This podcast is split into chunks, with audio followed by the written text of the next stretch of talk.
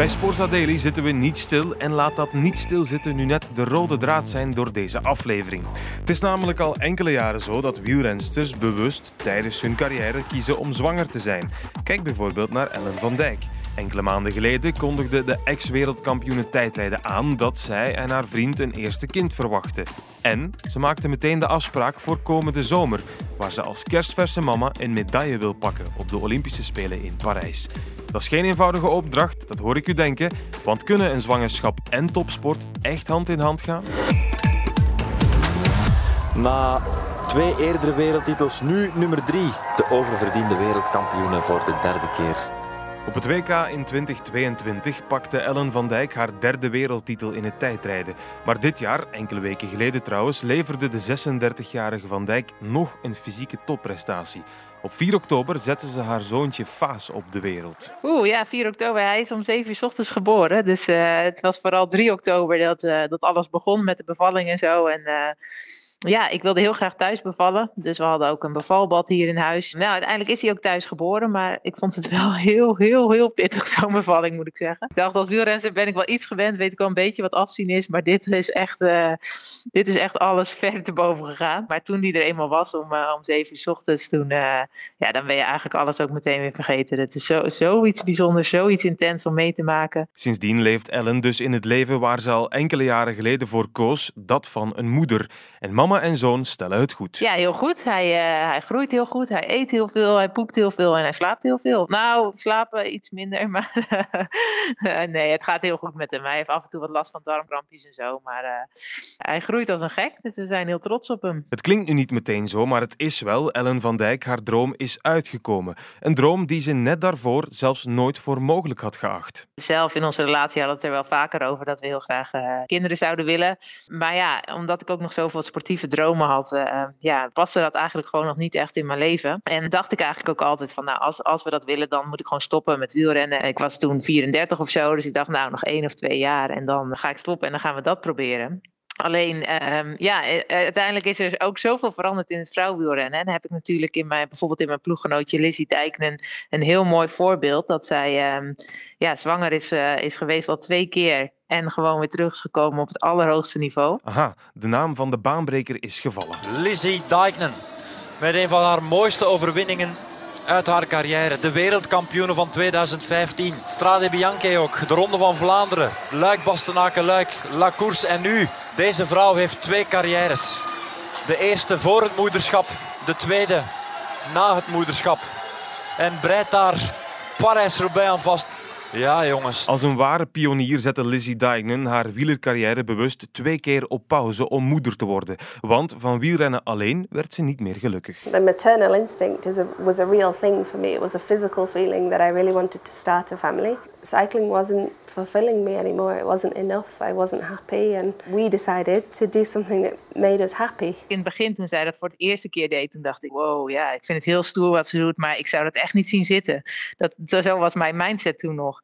En, en ja, zij heeft dat beeld echt doen veranderen. Dus zij is daar echt een enorme trendsetter in. Want ik heb gewoon gezien dat het kan. En dat, zij dat, dat het echt wel uitdagend is natuurlijk. Dat het niet iets is wat je moet onderschatten. Maar zij laat wel zien dat het kan. Lizzie Dijknen, she's a phenomenal sprinter. En of ze dat liet zien, want na de geboorte van haar dochter won ze Luik Bastenaken Luik, La Course en ook de allereerste Parijs-Roubaix voor vrouwen. Lizzie Dijknen gives one more look back. A phenomenal victory. I guess it's knowing that women can do both. You can be tough and take on the hell of the north, um, but also be a woman and be feminine and in the same way that you can be a cyclist and be a mum. Ja, het zijn toch inspirerende woorden van Lizzie Dijknen. Toen opeens ging ik er toch anders ook over nadenken. Van ja, misschien is dat ook wel een optie. En uh, iets wat ik eigenlijk eerst nooit voor mogelijk had gehouden. Dacht ik van ja, zij bewijst dat het kan. En ja, het allerliefste wat ik doe is, is profielrenser zijn. Ik vind het echt een enorm voorrecht uh, mogen doen wat ik doe. Maar ja, ik heb ook echt die kinderwens. En um, ja, zo heb ik het ook gewoon bij onze ploegmanager voorgelegd. Toen gaf hij aan van nou, dan, uh, dan teken je toch nog gewoon een contract voor twee jaar.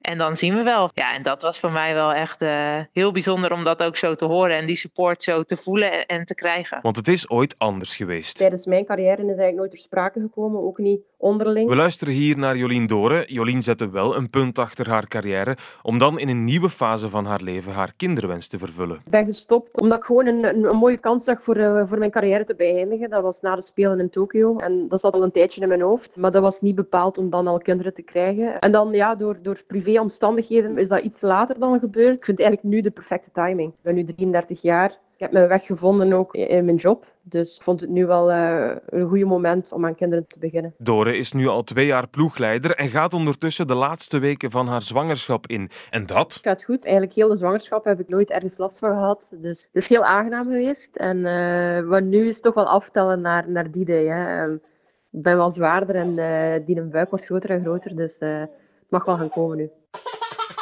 Ja, nog heel even wachten dus voor de winnares van Gent-Wevelgem 2020. Uh, terug naar zwanger zijn in het peloton, want Jolien vertelde het al. Hè. In haar carrière was dat nog niet echt een gespreksonderwerp.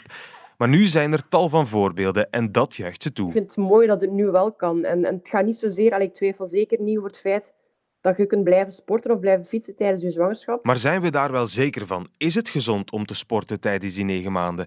Want er was een tijd, niet zo lang geleden, dat een dokter met een pijp het volgende zei op nationale televisie. Nee, uh, hard werk, hard lichamelijke, harde, zware lichamelijke arbeid uh, past zeker niet voor een zwangere vrouw. Maar net als uw auto en uw telefoon is de geneeskunde ook gelukkig geëvolueerd. Ik hou me al meer dan 40 jaar bezig met, met topatletes. Je hoort hier onze derde gesprekspartner, Luc Baaiens, sportgynaecoloog al decennia lang. De tijd van Lieve Slegers en zo, die heb ik uh, heel intensief uh, begeleid. Ja, voor de jonge luisteraars en niet-volgers van atletiek. Lieve Slegers was vijfvoudig gouden spike en veldloopster in de jaren 80 en 90. In de periode heb ik haar echt van dichtbij blijven volgen. Op haar trainingen meegegaan met een ecografieapparaat en zo, om te zien of de kleine goed reageerden en al. En die is bijvoorbeeld terug uh, Belgisch kampioen geworden. Dus, ik denk een maand of drie na haar bevalling was dat toen. Dat klinkt dus als de perfecte man om onze vraag te beantwoorden. Een zwangere zou moeten sporten en het is aangeraden van tenminste uh, 150 uh, minuten per, per week te, te, bewegen. Dus ongeveer een, een half uur per dag. Uh, tamelijk intensief te bewegen. Dat wordt sinds 15 ongeveer aangeraden. Dus stilaan wordt dat de, de gewoonte toch. Want het is niet alleen ongevaarlijk, sporten tijdens de zwangerschap is zelfs gezond. Er zijn tekens dat er bijvoorbeeld minder kans op borstkanker zou zijn, minder kans op dementie bij kinderen van sportieve vrouwen, dat ze meestal een betere score ontwikkelen. Dat is de APGAR-score, noemt men dat. Of het hartritme normaal is, of het kind goed ademt, of het goed beweegt, de eerste minuten al.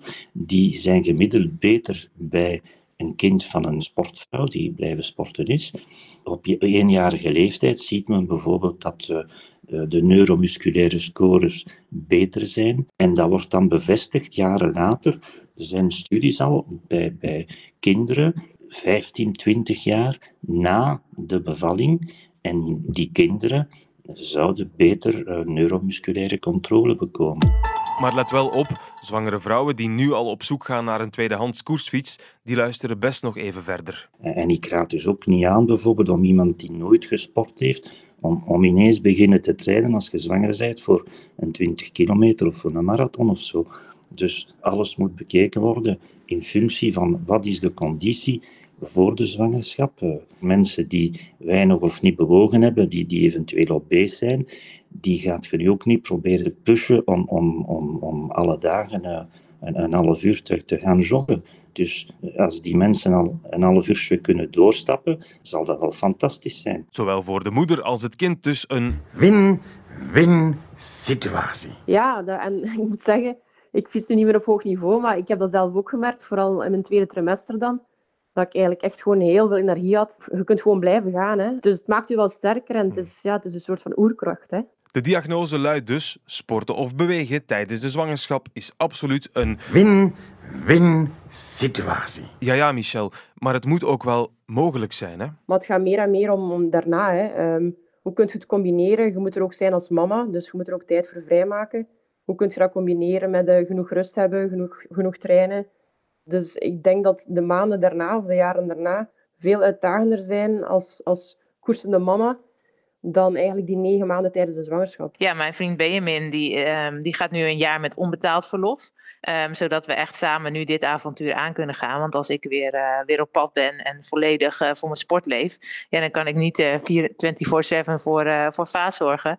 Dus, uh, ja, dus gaat hij dat vooral op zich nemen. En dat is ook mogelijk uh, omdat uh, de ploeg het zo, ja, financieel ook zo goed steunt. Ellen van Dijk krijgt niet alleen steun van haar vriend en haar omgeving, maar ook haar ploeg doet financieel een extra moeite voor de ex-werelduurrecordhoudster. Want normaal moet een wielerploeg... Volgens mij drie maanden 100% en vijf maanden 70% uh, betalen, zoiets. En daarna dan hoeven ze eigenlijk niet meer te betalen. Maar Lidl Trek heeft gewoon uh, mijn hele salaris het hele jaar door gewoon volledig doorbetaald. Dus ja, dat is een enorme, enorme voorrechtspositie. Haar team helpt de Nederlandse ook met het volgende doel. Want dat ligt op 27 juli van volgende zomer. 27 juli is de tijdrit in Parijs. De Olympische tijdrit trouwens. En dat is een grote droom van mij. En uh, ja, ik, zie, ik kijk de toekomst heel positief tegemoet. Ik denk dat het meest uitdagende af en toe het slaaptekort wordt en het, uh, en het missen van, uh, van ons zoontje. Mijn grootste ja, vrees is eigenlijk wel dat ik het heel moeilijk ga vinden om, uh, om Vaas thuis te laten. Ook al weet ik dat hij dan bij Benjamin in hele goede handen is. Dat lijkt me toch nog wel iets heel lastigs. En over drie weken ga ik voor het eerst een keer een nachtje weg. En ik ben heel benieuwd hoe dat is. Maar misschien vind ik het ook wel heerlijk om een nachtje door te kunnen slapen zonder drie keer borstvoeding te geven. ik denk fysiek gezien heb ik er echt vertrouwen in dat het goed gaat komen. Maar mentaal gezien denk ik dat het, dat het echt nog wel eens uitdagend uh, gaat zijn. En fysiek laat ze niets aan het toeval over, want de kerstverse moeder zit nu al terug op haar fiets. Fysiek gezien voel ik me eigenlijk echt al wel weer heel goed en uh, ben ik alweer, uh, ja, alweer langzaamaan in training. En um, ja, is het gewoon nog uh, ruim negen maanden tot, uh, tot uh, eind juli. Um, en over drie weken ga ik al naar Parijs een nachtje om, om, om het parcours te verkennen. Dus ja, mijn plannen die, die zijn heel serieus in ieder geval. Voor een medaille natuurlijk, maar ze wil ook de vooroordelen uit de wereld helpen. Als je gewoon naar een normale verloskundige of consultatiebureau of wat dan ook gaat, of, ja, dan zeggen ze, nou, dit slaat nergens op. maar goed, ja, dan denk ik, nou, wacht maar, we gaan het, we gaan het proberen te bewijzen. Met dank aan onder meer Ellen van Dijk, Lizzie Dijknen en Luc Baaiens is de instelling in het vrouwenpeloton alleszins veranderd. En dat ziet Jolien Door ook bij haar ploeg. Ik zit in een ploeg met, met heel wat jonge rensters. En wij praten meermaals over, uh, ja, over mama worden, over baby's. En um, je merkt gewoon bij hun dat dat geen taboe meer is en dat dat, dat gewoon kan. Uh, dat dat niet een reden is om een carrière te stoppen. En, en ay, dat vind ik wel heel mooi. En met die hoopvolle woorden ronden we dus af. Zwanger zijn tijdens je topsportcarrière betekent niet per se het einde van die loopbaan. Al is iedereen natuurlijk vrij om daar zelf over te beslissen, gelukkig maar. En ik ben blij dat u heeft beslist om te luisteren naar deze Sporza Daily. Tot de volgende keer.